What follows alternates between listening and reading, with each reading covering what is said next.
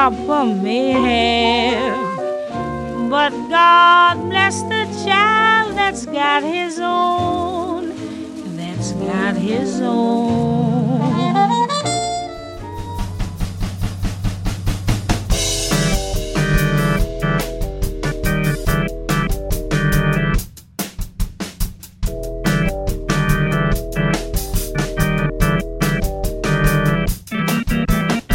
Hej Lena! Hej Annika! Hej! Nu är det faktiskt snart sommar Ja. och vi går ner Det- för det landning. är sommar. Det, Det är är, sommar. Men det är också snart eh, ja, semestertider och så. Mm. Så det här blir vår sista podd innan sommaren. Mm.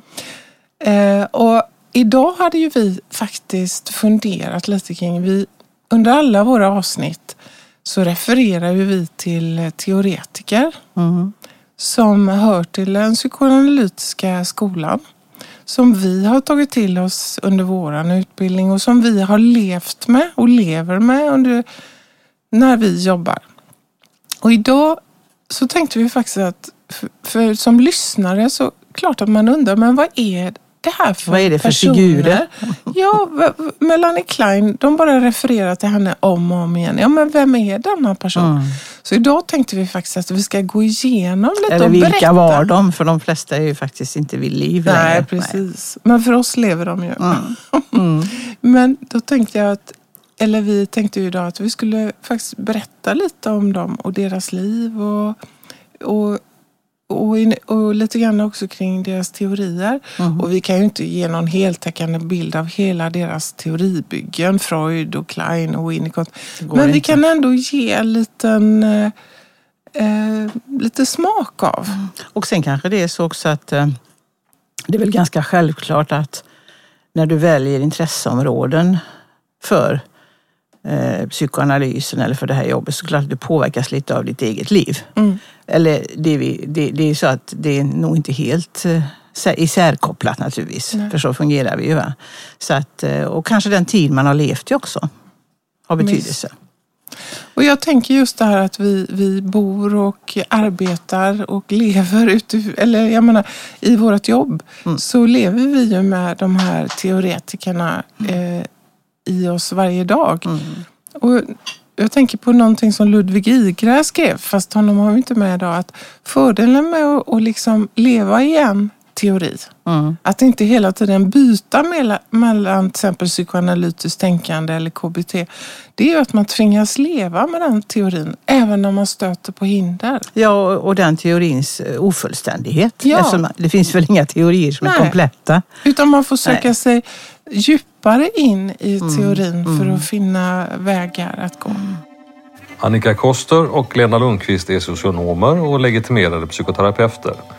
De är verksamma vid Göteborgs psykoterapiinstitut. De pratar på om psykoanalytiskt tänkande och psykoterapi. Nu säger jag till dig, precis som jag alltid gör. Vi börjar, om vi ska börja lite kronologisk ordning, Lena, Ja, så börjar vi egentligen ja, för med han, är, ju- Freud. han är ju äldst av de här, född 1856. Så han är ju en man både från 1800, han är ju man både av 1800 och 1900-talet kan man säga. Mm. Det har ju betydelse när det gäller hans eh, kultur och så, vilken tid han levde i. Men vi har pratat jättemycket om honom här. Han är ju med i varenda avsnitt på något sätt. Men eh, jag vet inte om vi har pratat så mycket om hans liv egentligen. Eh, han, Nej, jag tror inte det. han var ju då första barnet till Amalia och Jakob. Och det var ju ett par där pappan var då över 40 år och hade två barn tidigare som var vuxna och hade barn. Så, och hans mamma var 20 år bara, alltså var över 20 år yngre. Och så han, Freuds första lekkamrat, det var alltså hans farbror blir det väl då. Lite intressant. Eh, och sen föder hon ju då åtta barn, eller hon har åtta graviditeter i alla fall. Jag tror ett barn dör ju. Eh, och han är äldst och han är den gyllene Sigge. Han är älsklingsbarnet. Och väldigt eh, upphöjd och så. Föddes inte han med segerhuva? Kanske ja, just det. Mm. Eh, och, Och vad eh, är det? Jo, det är en del av fosterhinnan som ja, sitter kvar. va? Ja, det kan hända. Ja. Eh, Det, ja, det har du rätt i, det har man nog hört någon gång. Ja. Eh, så att han ehm, eh, och de, som alla de här vi kommer att prata om kommer ju från ganska bra ekonomiska förhållanden. Pappan var ju någon sån här, handlade med ull eller någonting. och Det är ju köpman och det är ju liksom personer som har haft möjlighet att studera naturligtvis. Det, det, det fanns ju inte med på kartan annars på den tiden. Så att, eh, eh, men ehm, eh, det, Vi talar inga klassresor här alltså. Nej, vi talar inga klassresor. Nej. Det gör vi faktiskt inte. Eh, inom psykoanalysen. Det finns, ja, det kanske senare kan det ju finnas, men nej, det är, det är viktigt att påpeka det, för det har viss betydelse på hur man uppfattar både världen kanske och sin egen position i den. Men eh, han var ju mammas älsklingsbarn och det var väl inte bara enkelt om vi ska tänka lite på hans liv. För att dels var han ju äldst och så fick han ju sju konkurrenter direkt. Så att ett år efter, när Freud är ett år, så föds ju hans lillebror som senare dör och som gör mamman ganska deprimerad tror jag. Eh, så att, eh, sen, sen är det ju så att eh, hans relation till mamman är väl det som är lite intressant. Jag läste häromdagen en ny biografi av en som heter vad heter White Book tror jag, om Freud. Jag bläddrade lite i den och då hade han ett helt kapitel om Freuds relation till den tidiga modern. För att det, det, är ju han, det är ju det som många menar är kanske han, luckan i hans teoribygge.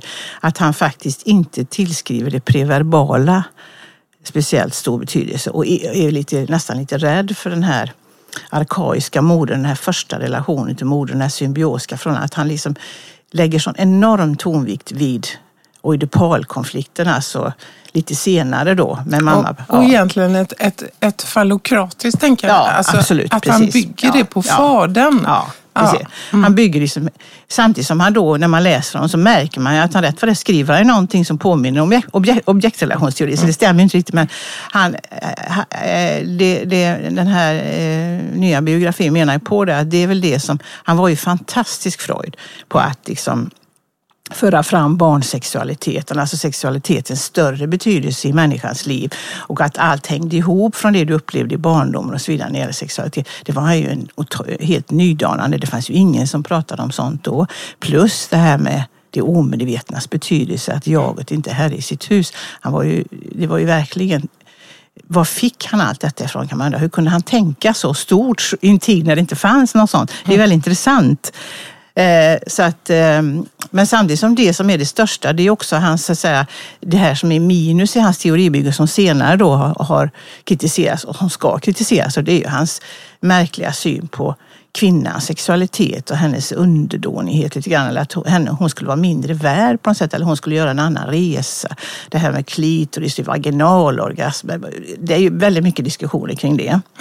Där, där man nästan får säga att han är lite dum helt enkelt. Det, det, det är liksom helt, helt otänkbart att tänka så idag. Men han var ju en man av sin tid. Han va? var en man av sin tid, precis. Och, eh, Men det är ju intressant och det det, att det var han också. till modern. Men det kopplas ju också till modern. Då. Alltså, I den här boken så kopplar han ju ihop det, att han var ju man av sin tid med den synen. Men, men med det här tillskottet, med den här lite fasan för moderns makt va, som han hade. För att det hör ju till saken att han, var ju, han revolterade aldrig mot sin mamma. Och hon påstås ju ha varit ganska självupptagen och eh, ganska styrande och på något sätt inte alls någon, men han gjorde aldrig upp med det. Och åkte hem på söndagsmiddagar tror jag och var, var lydig eh, hela tiden och duktig och underdånig. Och eh, gick ju inte på hennes begravning till exempel. Skickade sin dotter. Jaha. Han skickade ju ofta Anna Freud på sånt där. Ja. Och han hade ju blivit sjuk eller något sa. Men det, Mm. det är väl det här som menar han då, den här Whitebook, att han hade Samtidigt som han tyckte det var skönt att hon dog 95 år gammal, så han blev fri, så var det också lika, alltså det var väldigt ambivalent. Va? Han tyckte också det var hemskt. Så att han var väldigt bunden. Samtidigt som det var det här med hat och kärlek. är ju- Jag tänker på hans tvång och sånt där. Att Det fanns ju mycket till mamma som var väldigt starkt, som var väldigt svårt och som han aldrig redde ut. Och därmed fanns det liksom gick han inte vidare och han skriver någonstans det tror jag också att han hade svårt för det här med tidiga, förstod inte sig inte riktigt på det. Eh, så att, eh, men vad, när det gäller Freud, så, så i övrigt då så är det ju inga skandaler kring honom och hans eh, äktenskap och sådär. Utan det är väldigt lugnt med den här Marta som han är gift med hela livet. Men det som en del diskuterar det är ju att ganska tidigt flyttar ju hennes syster in i hemmet. Minna tror jag hon hette. Och då har ju då diskuterats, var hon Freuds älskarinna så här, eller var det så att hon var hans intellektuella kvinna då? För Marta brydde sig inte om hans teorier. Hon skötte ju hemmet och var nog ganska kraftfull men brydde sig inte och hade ingen större respekt för hans mm. teoretiserande. Men att Minna var hans intellektuella partner då. Och det kanske bara var så. Det finns liksom inga skandaler, inga eh, sådana här Nej. som man har kunnat hitta då. Var det inte också så att han var väldigt så här, han gick sina pr- promenader på en Ja, viss ja, tid. och, precis. alltså det var väldigt liksom, organiserad vardag på något Ja, sätt. Han ja. satt sig och skrev. Han Och en patienter. enorm arbetskapacitet. Och han har ju också, det är han som har sagt att livet går ut på att arbeta och älska. Det, är de, det är det som är viktigt. Va? Så arbetet var ju väldigt viktigt för honom och han, la, han hade ju också en enormt stor kapacitet. Han har ju en produktion som är helt enorm, så mycket han har skrivit. Så alltså det var ju, och eh, där är det, också, det är också intressant det här med alla hans relationer till män. Då, va? Det finns ju några som har varit väldigt viktiga. Flis, som han brevväxlade i många år, en annan läkare och, och Jung. Som han, Nu och, börjar jag skratta. Ja, jag men- tänker, ja. kommer du ihåg Ja, när, vi började, ja, när vi började läsa så såg vi en bild, du och jag, av Freud och Flis ihop. Och de hade stora svarta skägg båda två. ja. Och, det, på något sätt, och så såg man en smal springa mitt i. Ja. Och det såg precis ut som ett kvinnligt Ja, könsorgan ja, på båda mm, två. Att ja, de var mm. bärare av Ja, liksom. Så det hade hoppat upp i ansiktet Ja. på dem. så. Det kanske var någon mening med det. Ja. Med tanke på deras enorma manliga omnipotens får man väl säga. De höll på och skrev till varandra och diskuterade och han utvecklade mycket sina teorier eh, kring det. Då, att, eh, eh, Men hur var det med Anna då, hans dotter? Jo, han hade ju själv sex barn då. Va? Och sen då, Anna skulle egentligen inte ha fötts, tror jag. De ville ju stoppa vid fem där. Sofie var det barnet som innan. Och, eh, hon var ju yngst av hans barn och blev ju också hans lärjunge. Så hon tog över teoribygget och fortsatte då sen. Eh, men hans älsklingsbarn var ju Sofie som är född innan eh, Anna. Och hon dog i spanska sjukan väldigt tragiskt. Och sen dog hennes son också som var fyra år eller något. Så det var nog två mycket stora sorger för Freud. För man kan ju se i hans teori att eh, det påverkas av till exempel två världskrig, eller första världskriget framför allt. Eh, hans personliga sorger med förlora en dotter som var 27 år och senare ett barnbarn som var 4 Att det har påverkat mycket av hans, att han har fokuserat. Till exempel sorg och melankoli har säkert med det att göra. och Att det hänger ihop på det sättet. Eh, men Anna var ju eh, hon var ju med då till London förstås. Men var det inte så att han analyserade jo, sin dotter? Jo, precis. Precis. Ja. Ja, vi förtränger det lite. det var ju rätt hemskt alltså. Han analyserade han och- tog henne i analys. Ja, alltså. han tog henne i analys och det var frågan om drömmar och, och sexuella fantasier och sånt där. Och, eh, som han, eh, som, ja, så det, det kan man kalla för det är en form av övergrepp tycker man ju idag. Men det gjorde väl? Melanie Klein också? Ja, det är Ja. det som är intressant som jag kommer att tänka på. För när jag ska berätta lite om Klein så kommer vi in på det också. Aha. Och på något sätt, när du nämner den här täta... Nu ska ju inte vi analysera detta, så, vi- men det är ju bara tankar kring deras liv. Men Freud har- med sin relation till sin moder, sin mamma. Ja, Eh, där man i någon mån liksom kapitulerar och kanske låter sig användas. Ja. Och detsamma gör man med sina, e- sitt eget barn. Ja. Och det finns både i, i Kleins historia Ja. med hennes väldigt dominanta mamma precis. och eh, Freuds mamma och även att man tog, vilket analysen var ju ung, va? psykoanalysen var ju ung, men, men att ta sitt eget barn, vilket båda gjorde i analys, Ja. är ju väldigt speciellt. ja, det är förfärligt faktiskt. Att använda sitt barn på det sättet. Men sen är ju till saken att Freud eh, gjorde en självanalys också. Han hade ju ingen att gå till eftersom det var han som uppfann psykoanalysen. Så han fick börja med att analysera sig själv, sig själv. i 40-årsåldern. Det var i samband med när fadern dog tror jag. Så hamnade han, och då började han förstå det här med hur mycket han liksom åtrådde sin mamma och hur mycket han hatade sin pappa och hela det här triangeldramat och så bygger upp Oidipuskomplexet och hans teori kring det då.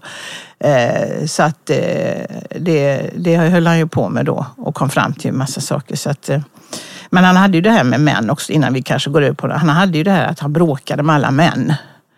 Med Flis och Jung och så upp kontakten och ganska dramatiska brytningar hade han ju med män. Samtidigt som han värderade det väldigt högt. Manlig vänskap, det var väldigt stort.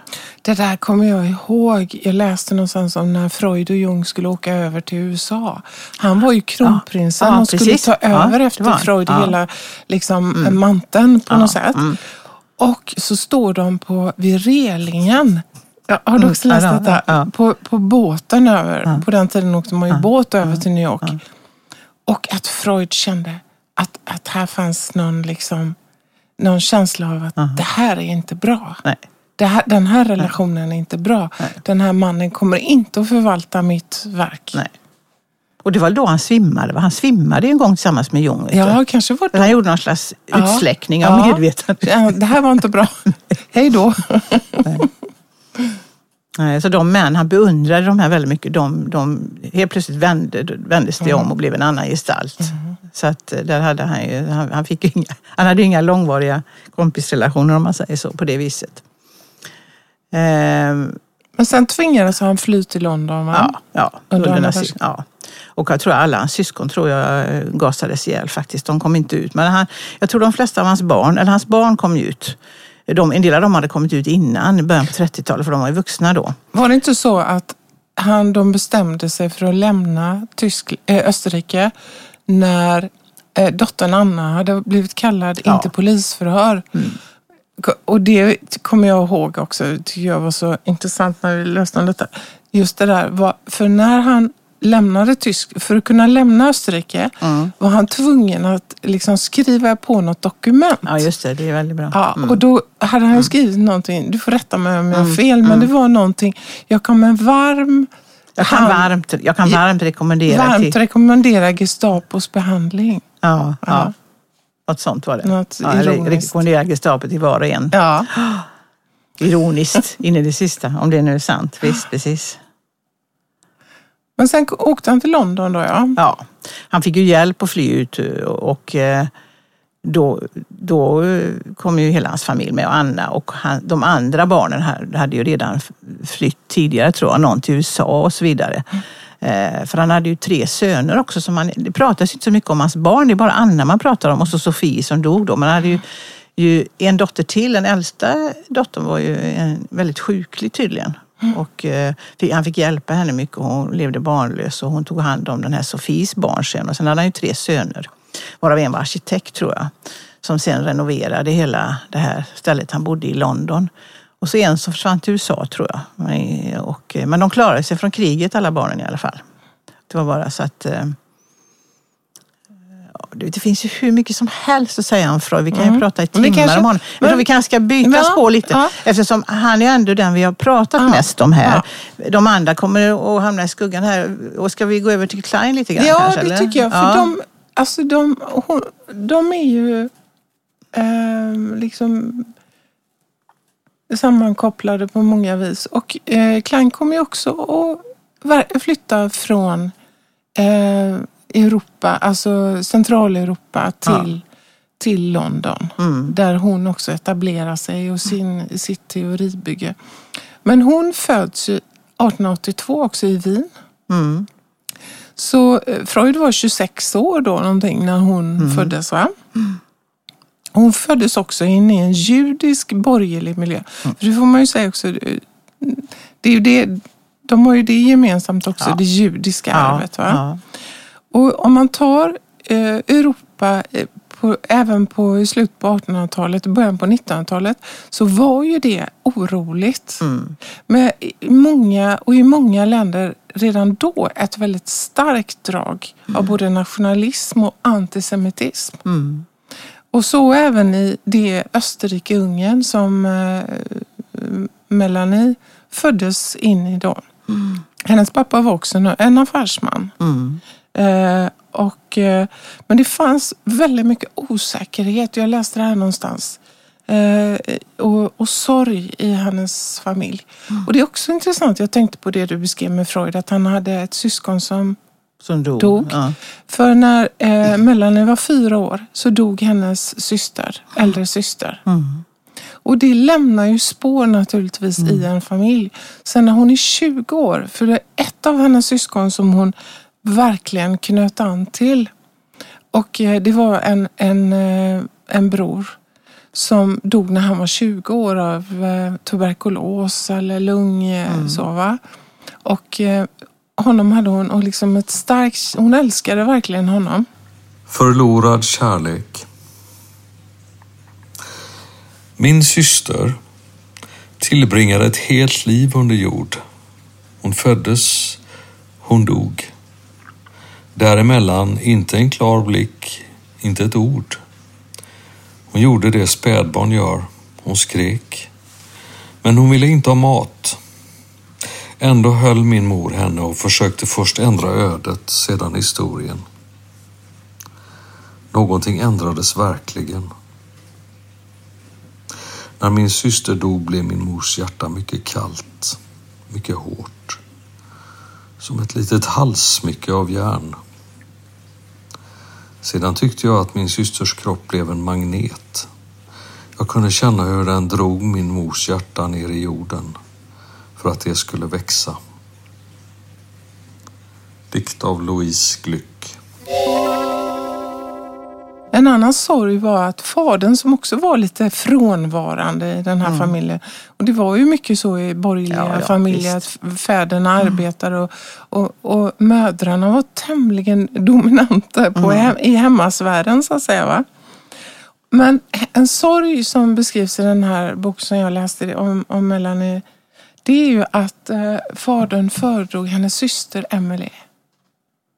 Alltså det fanns någon slags liksom hon, hon var inte bra nog Nej. mellan i hans ögon utan hennes eh, syster Emily var mycket mera, liksom, han föredrog henne. Sen växer hon upp och blir en strålande skönhet alltså. Mm. En strålande, kraftfull skönhet. Hon ville läsa medicin. Mm. Men det var ju eh, inte tal om egentligen på den Kvinnorna. tiden att en Nej. kvinna skulle göra det. Så hon, hon, hennes mamma, Libussa, Libussa tycker jag är Ja, roligt namn. Hon eh, styrde och ställde där hemma. Och där, apropå, hon, hon i någon form behö, behöll Melanie Klein hela sitt liv ett ganska idealiserad bild av sin mamma. Det är samma skrev- som Freud egentligen. Ja, väldigt, precis. väldigt likt i alla Ja. fall. Mm. Och också, hon skrev ju om idealisering och Ja, avund det och mycket. Och så. Men, men på något sätt, det är ju alltid svårt att analysera sig själv. Och, och, så. Men det finns något stråk där av att liksom... Så hon gifte sig ganska tidigt med Arthur Klein. Och honom får man en ganska grå känsla kring Ja. Eh, när man, när man läser. Va? Att det var inget... Det var, det, när man läser känns det mer som att hon flydde hemifrån bara. In i ett äktenskap. Och eh, de flyttar sedermera till Budapest. För Österrike och Ungern var ju liksom förenat. Och det, var, det fanns en känsla av liksom, depressionen. men Hela det här kejsardömet hade fallit sönder. Och nu var det Österrike-Ungern och det var liksom som man kunde flytta emellan. Men det var liksom två länder med varsina parlament och så. Fast under en, eh, ja, en, ett paraply kan man säga. Så hon och hennes man flyttar så småningom till Budapest. Och där börjar hon gå eh, i analys hos, eh, eller träffar Ferenczi. Som var en av Freuds, lärjungar, ja. Ja. Och redan tidigt, för hon fick ju inte läsa medicin, så det fanns ju en, en, en längtan och hunger. Och hon, ja, och grejen var att hon har läst eh, något, av Freud. Mm. Hon har läst något kring drömmar som hade fått henne att liksom fastna i. Sen lämnar de eh, eh, Budapest och flyttar till eh, Berlin. Och där börjar hon i analys hos Abraham. Och Karl Abraham var ju en av, om man nu ska göra ett släktträd, den Ja, här ja, psykoanalytiska ja, rörelsen, så var ju han väldigt nära Freud. Ja, och Freud var ju väldigt eh, förtjust i honom och imponerad av hans den här psykosexuella utvecklingen som han radade upp med oralt och analt. Men han dog ju väldigt tidigt, Abraham. Ja, och grejen var så här att hon hann bara gå drygt nio månader, alltså under, ungefär som en graviditet Ja, ja. hos honom. Men han, han uppmuntrade henne att börja jobba med barn. Mm. Så då började hon jobba med barn och allting som Melanie Klein sen skriver under sitt liv grundar sig egentligen på psykoanalys med barn. Ja. Och det tycker jag är, är någonting som jag tycker om. Mm, Alltså att hon utgår från barnets utveckling. Hon säger att, att barns liksom lek är som den vuxnes fria associationer i en analys. Alltså leken innehåller allting. Mm. Men sen så småningom så, så flyttar hon till London. Hon kommer över dit 20, efter, efter han har dött. Så tar hon sig till London och då är äktenskapet lite på upphällningen. Han, för då är antisemitismen också börjar växa sig starkare ju i Europa. Så han Arthur, lilla Arthur, Ja. han tar sig till eh, Sverige. ja, det har jag läst Ja, också. Ja, precis. och börjar jobba på något svenskt företag, nu Värmland eller något sånt här. Så i ett tag så är faktiskt Melanie Klein svensk medborgare. Med automatik då, i och med att de var gifta. Just det. Men sen åker hon till, till London Mm. och där, där den tiden då, för det, det, det här tycker jag, jag gillar den här, jag har sett den i filmen om den här Bloomsbury-gruppen. Ja. För det var ju en grupp intellektuella i London som bodde i stadsdelen, eh, eh, etablerade sig i stadsdelen Bloomsbury. Mm. Och det var författare, konstnärer, intellektuella som på något sätt skrev, målade alltså, och levde också tillsammans i liksom, kollektiv kan man nästan säga.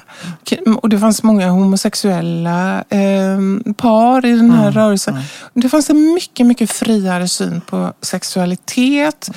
Och egentligen så var devisen i den gruppen att gör vad du vill. Mm. Bara du inte är eh, vanlig.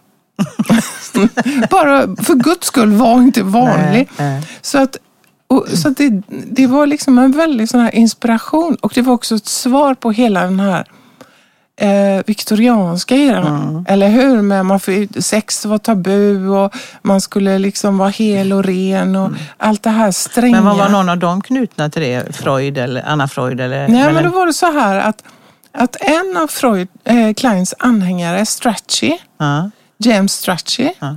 han hade en bror som hette Lytton Strachey Mm. som var med i Bloomsburygruppen.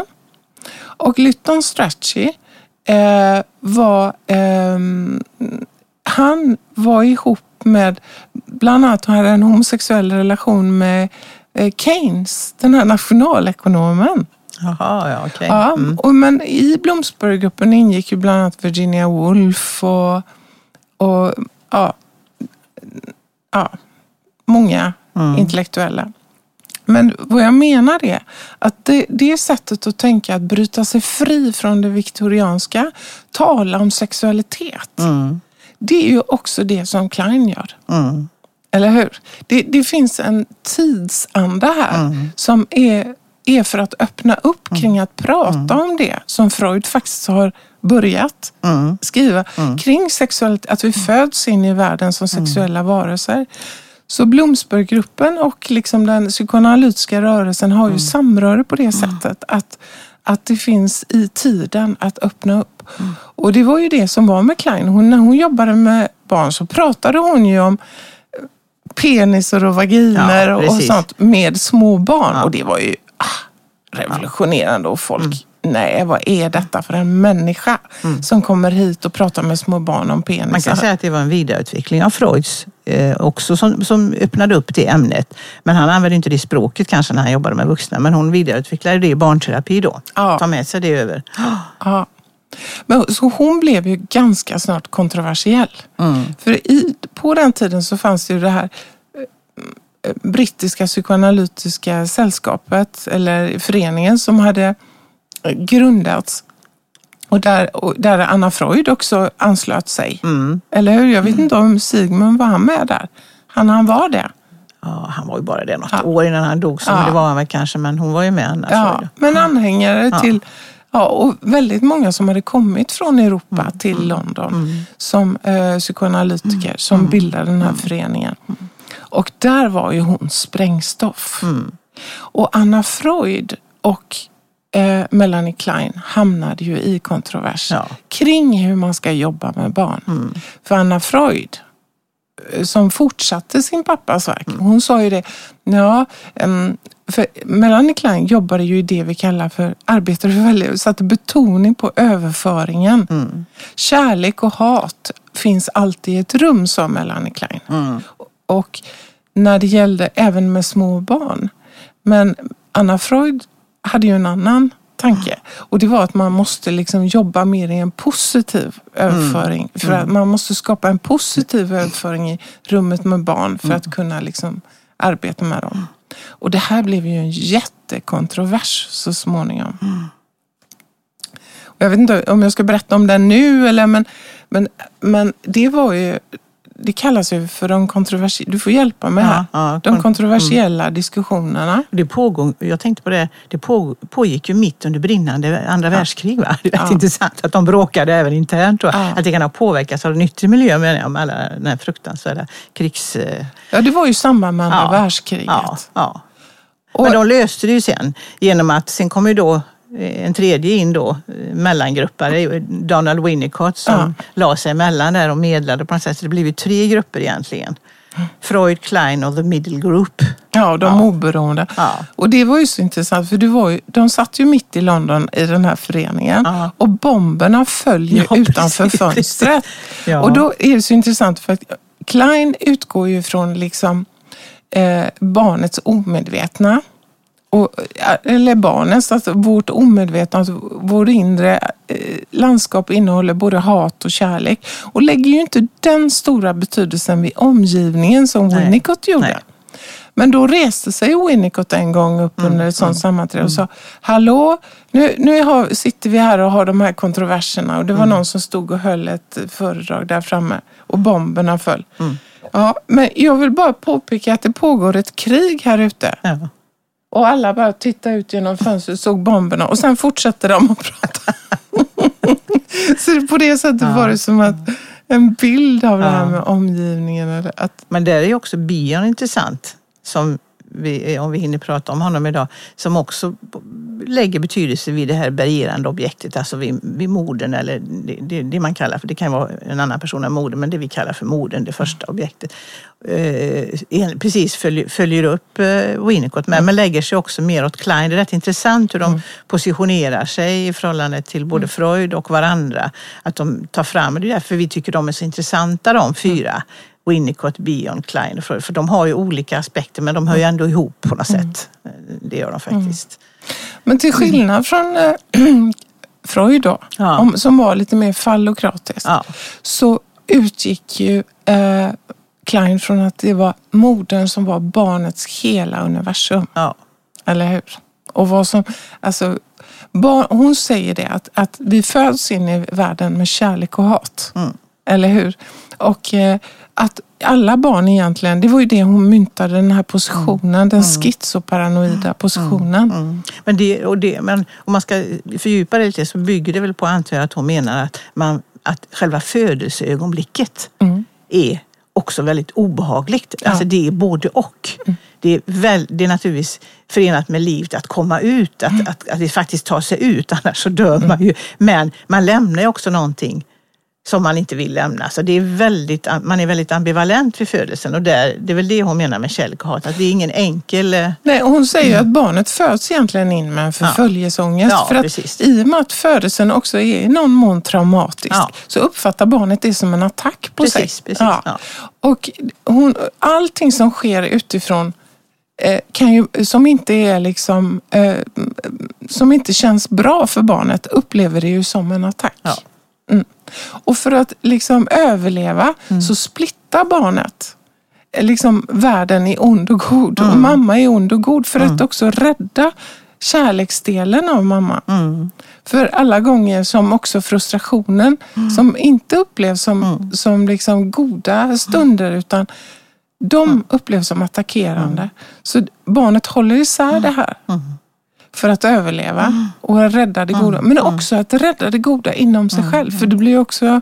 Skulle man då kunna tänka till exempel att Klein, fastän hon kanske i praktiken inte vill se att hon gör någon form av frigörelse för sin mamma, ändå gör det genom sin teori. Ja, Medan Freud inte riktigt klarade det. Han kunde inte riktigt ta sig an det ämnet. Med den ambivalenta känslan inför mamma. Nej. Det, första, det, som han, det, det, det känns som att där blev det en lucka i hans teoribygge som de sen fyller på. ja. Eller Klein fyller på, och även Bion och Winnicott faktiskt. Alltså Klein sörjde ju att hon inte blev riktigt accepterad av Freud. Mm, Hon, precis. för hon, eh, hon ansåg ju att hon byggde på Freud. Ja. Och det gjorde hon ju. Ja. Men, men det, i de här kontroversiella diskussionerna och med Anna Freud Mm. Så blev det ju som att hon, hon, eh, hon, hon men hon vidareutvecklade ju faktiskt hans, hans Ja, teoribygge. Mm. Och det var kanske så då att Anna Freud inte riktigt klarade att göra det. Så därför blev Melanie Klein ett hot på grund av det, kan man Ja, fundera över. Ja, ja. Hon var mer, hon var väldigt trogen sin pappa. Mm. Och då, sen så myntade hon, hon har ju de här begreppen också, depressiva positionen. Mm. Alltså att barnet, det, det jag säger nu, det här att barnet splittar liksom eh, omgivningen och mamma i, i ond och god. Ja. För att rädda den goda delen också av sig själv. Mm. Men det, så är det ju också då att en, en erfarenhet hos barnet som inte blir bra Mm. kommer ju eh, att också liksom påverka. Här finns ju den här balansen som vi ofta återkommer till. Mm. Vilka erfarenheter i den tidiga historien är det som överväger? De goda erfarenheterna en- eller de mer förföljande, attackerande? Och det kommer att bestämma i någon mån hur vi lever våra liv. Jag tänker på, jag skulle vilja flika in, vi kanske inte hinner prata, vi skulle ju prata om Bion och Winnicott lite också. Jag tänker på Bion till exempel. Eh, är ju väldigt intressant också i hans liv. För han är ju väldigt kleiniansk också, fast han har en mer matematisk teori om man säger så. Han är, föds ju i Indien. Eh, hans pappa jobbar inom kolonin där, de är också väldigt besuttna. Och eh, då hör ju till saken, när han är åtta år, då ska han placeras i engelsk internatskola. Så han föds alltså in i den här färgstarka, sinnliga världen som är i Indien. Och så tar mamma honom vid handen och med båten hela vägen till England placerar honom på ett internat och åker tillbaka utan någon större åthävor. Så han beskriver ju att han trodde han skulle dö av ensamhet.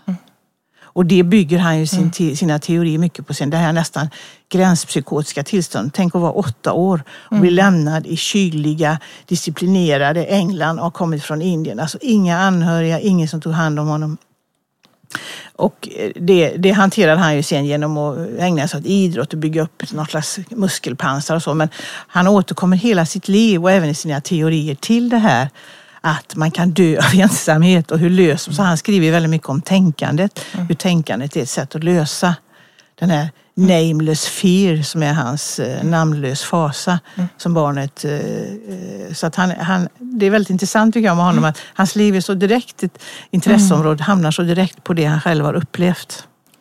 Ja, och det gör det väl med alla de här. Jag Ja. tänker också Melanie Klein, hon skriver ju också sen om, om den eh, depressiva positionen, Mm. också i relation till hon miste ju ett barn. Mm. En, en, hennes son dör ju i en vandringsolycka i Ja. Alperna. Och ett barn vänder sig emot henne. Dottern va? Ja, Ja. Dottern Melitta. Melitta-filter. Melitta. och Melitta, är inte det är intressant för hon vände, Melanie Klein vände sig ju aldrig mot sin mamma. Men Nej. dottern gör det. Ja, precis. Ja, dottern gör det. Det var väl den dottern som inte heller gick på sin mors begravning tror jag. Alltså nej, Nej. det vet inte jag, jag har inte läst. Men i alla fall, det, det, det är liksom, det går igen Mm. i teorierna och i...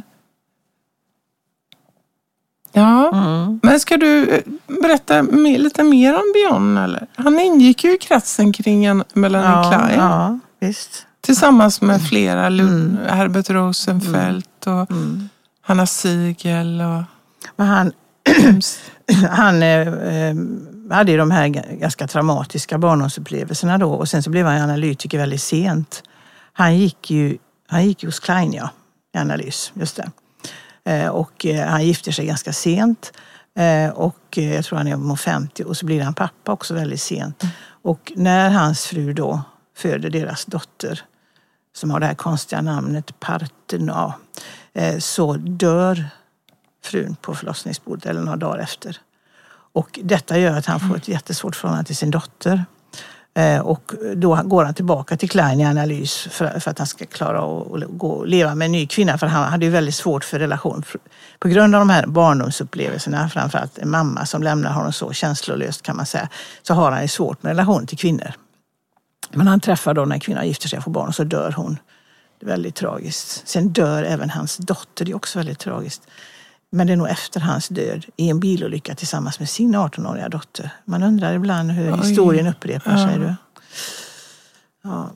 Så att, um, men jag tror att han genom den här nya analysen med Klein kommer vidare ganska ändå och gifter sig igen tror jag. För jag tror han har några barn till faktiskt. Så att han gifter sig senare igen. Men hans alltså hans, det stora med honom tycker jag det är ju det här med alfa och betafunktion. Det kanske vi, ska, vi har nog varit inne på det lite grann tror jag, det här med hur han beskriver, med hjälp av algebra beskriver han moderns herbergerande funktion.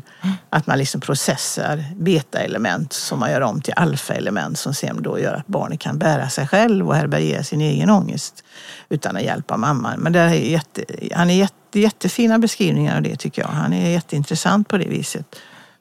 Eh, där har han någonting som, som är tillskott. Ja, men mm. vi, vi, ja, det här med projektiv kommunikativ eller så projektiv identifikation är intressant med bion också. För han gör ju det till ett normaltillstånd. Det som man kanske från början tycker är patologiskt. Att behovet att projicera finns hos det lilla barnet. Det är naturligt för att mamma ska smälta och processa och ge tillbaka. Mm. Det är inget liksom sjukligt tillstånd utan det är helt normalt mm. för barnet kan inte hantera eh, alla känslor själv utan måste ha hjälp med det. Det mm. säger han ju väldigt tydligt. det är anknutet till Winnicott mm. som också har det här med omsorgsmamman och good enough mothering. Och... Mm. Men jag tänker att vi kommer att komma in på Winnicott eh, senare, kanske nästa avsnitt. Ja, ja, ja. Men, men om man då, för Björn, han bygger ju mycket med Melanie Klein. Ja, eller hur? Gör han, gör han. går i analys hos henne och det är där han får sitt eh, fundament. Liksom. Mm, mm. Mm. Och eh, jag tänkte också på, på Klein vidare att hon, hon var, det, precis som med Freud, så även Winnicott refererar ju till henne. Mm. Alla refererar till, hon är en, en, en sån viktig gestalt mm. inom den psykoanalytiska rörelsen. Mm. Och då tänker jag så här, om man ska jämföra lite då, eh, för, för Klein det som är, och det gäller ju även för Björn, alltså hur det finns ett annat sätt att se på det analytiska rummet på något sätt. Ja, ja, Eller hur? Precis. Som visar sig när man jobbar med patienter. Mm, mm. Och det är ju det att Klein säger så här att för att liksom komma alltså, i arbete i rummet så behöver du tolka den negativa överföringen. Mm. Det vill säga hatet i överföringen. Mm. Motståndet mot terapin måste man benämna och tolka. Mm. Och där skiljer ju hon sig från från eh, Winnicott till exempel som inte alls har den tanken. Nej, nej. Så hon säger för att bereda väg för kärlek så måste du benämna mm. och tolka hatet. Och det gäller ju även med små barn. Mm. Jobbar man med barn enligt mm. Kleinianskt mm. vis så, att säga, så betyder ju det att man man, man deltar kanske inte i leken på det sättet eh, som Winnicott gjorde med barnet utan man förhåller sig och försöker med sin närvaro och sin mm. inlyssnande mm. men också benämna försvar mot den ångest mm. som finns i rummet mm. hos barnen som man uppfattar. Mm. Det kan ju vara små barn som till exempel inte vågar gå, komma in i terapirummet. Nej. Eller? Och enligt Kleins sätt att tänka så behöver man benämna mm. den skräck och den rädsla som ligger bakom och det försvar som gör att barnet får det svårt att ta sig in i rummet. Därför känns det väl, om man ska säga, att Freud, mycket av hans teori, det är mycket utifrån att tänka kring hur människan är och psyke och jaget och det, överjag. Men Klein är mer matnyttig än du ska jobba, känns det som. Mm. Alltså, det är någonting med hennes kliniska ansats som gör att man, det känns mer användbart. Mm på något sätt. Mm. Och Klein är ju den som faktiskt lyfter upp hatet. Ja. Och det, det finns något väldigt befriande i det kan jag tycka i mitt arbete. Mm att, att benämna hat. Mm. Eh, därför, och det tänker jag på ett samhälleligt plan också. Mm. Att hon, hon gör ju sina text, vissa av sina artiklar skriver hon ju också, drar liksom trådar ut. Mm. Hur hon pratar om glupskhet till exempel i samhället. Vad innebär det? Mm. När människor som är väldigt glupska, Mm. eh, vad innebär det när man inte blir mätt? Eh, och, och hela tiden går hon tillbaka till det glupska spädbarnet som inte liksom anser sig på, eller inte känner sig ordentligt påfylld. Och där det kanske mer, ja, att hon, hon, hon, hon beskriver det på, också hon drar ut trådarna. Mm. Och även det här med avund, det är en jättestor grej. Avund och tacksamhet, våga, primitivt. ja, det här Ja. som vi egentligen, det är ofta känslor som vi inte vill kännas vid, som hon lyfter fram.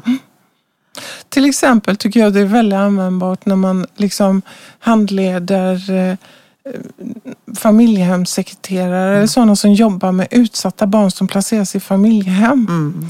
Hon skriver ju det om avunden att, att, att när man möter någonting som är gott, Mm. om man inte har haft det så bra i sitt liv, så väcks det en sån enorm avund och lusten att förstöra det bara för att det är gott.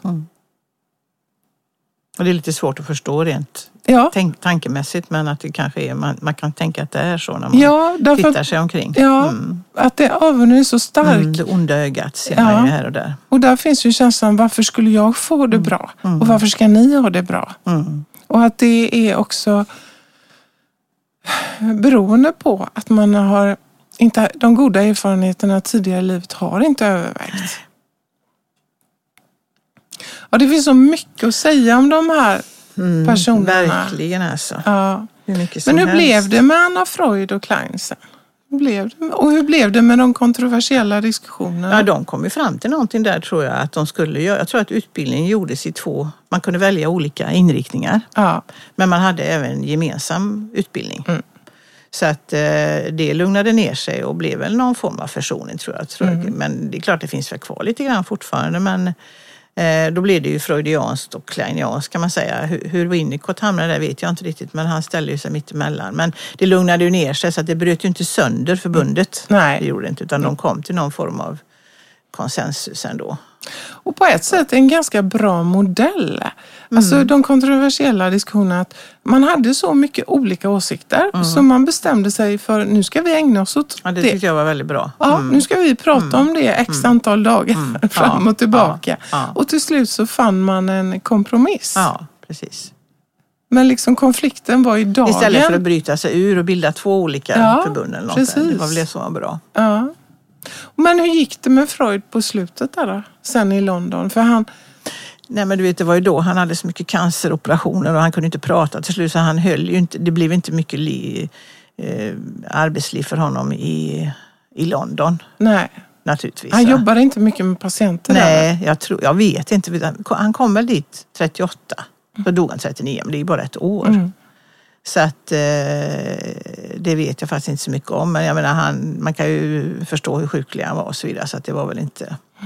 Men sen hände ju det att Anna Freud då som levde lesbiskt, alltså hon kom ut i garderoben helt öppet ganska tidigt tror jag. Anna Freud? Ja. Jaha. Så att den här kvinnan, Dorothy Burlingham, eller inte, som hon levde med i 40-50 år, de bodde ju sen kvar i Hempstead, i- där, där Freud skaffade sig ett hus. Där bodde de kvar i det huset resten av sina liv.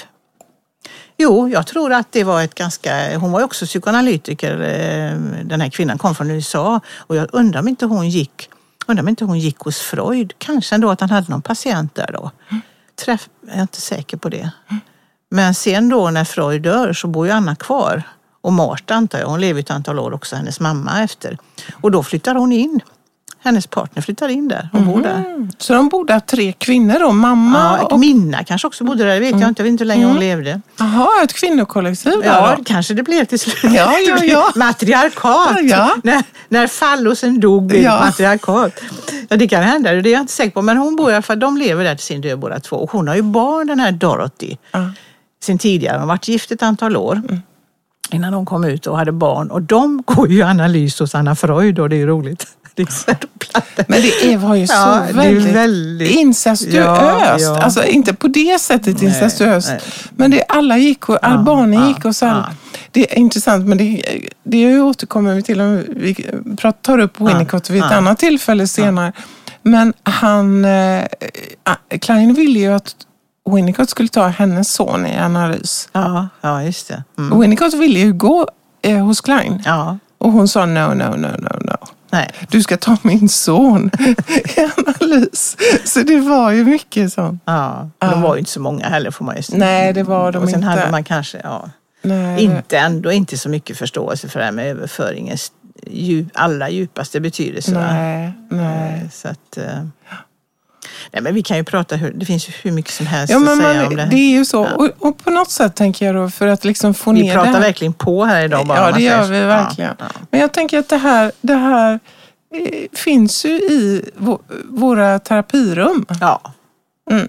Och det är inte så att man sitter när man jobbar och tänker, vänta lite nu, vad var det Klein skrev om? nej, nej, nej. nej. Utan på något sätt är det ju ungefär som man har, jag tänker på det, det sitter lite i kroppen. Mm. Ungefär som när man har hört eh, sagor när man var liten som man Mm. aldrig glömmer. Alltså saker och ting som blir, integreras och blir en del av en själv. Och sen är det ju så tycker jag att när man har jobbat länge och sen är det så att vi har ju undervisat jag och du, det gör ju att vi har berättat om de här teorierna och det gör ju att det kanske är mycket de vi är bäst på, de vi har undervisat på. Det finns ju mycket som de här människorna har skrivit som vi inte har läst och som vi inte kan prata så mycket om heller då.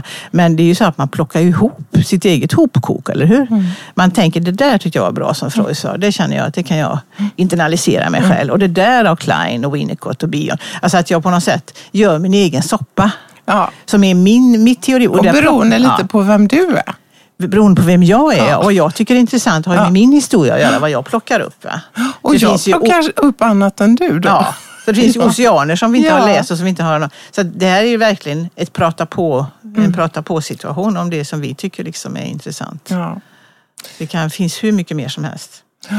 Men nu börjar vi väl närma oss slutet och vi, Mm. det återstår väl faktiskt att säga önska alla våra lyssnare en bra sommar. En trevlig, liksom lite friare sommar än förra får vi Ja, hoppas med tanke på verkligen. vaccination och sånt. Ja, med bad. Lite fester och grejer. Ja, förhoppningsvis. Mm. Och gå, många stunder i hängmattor och så vidare.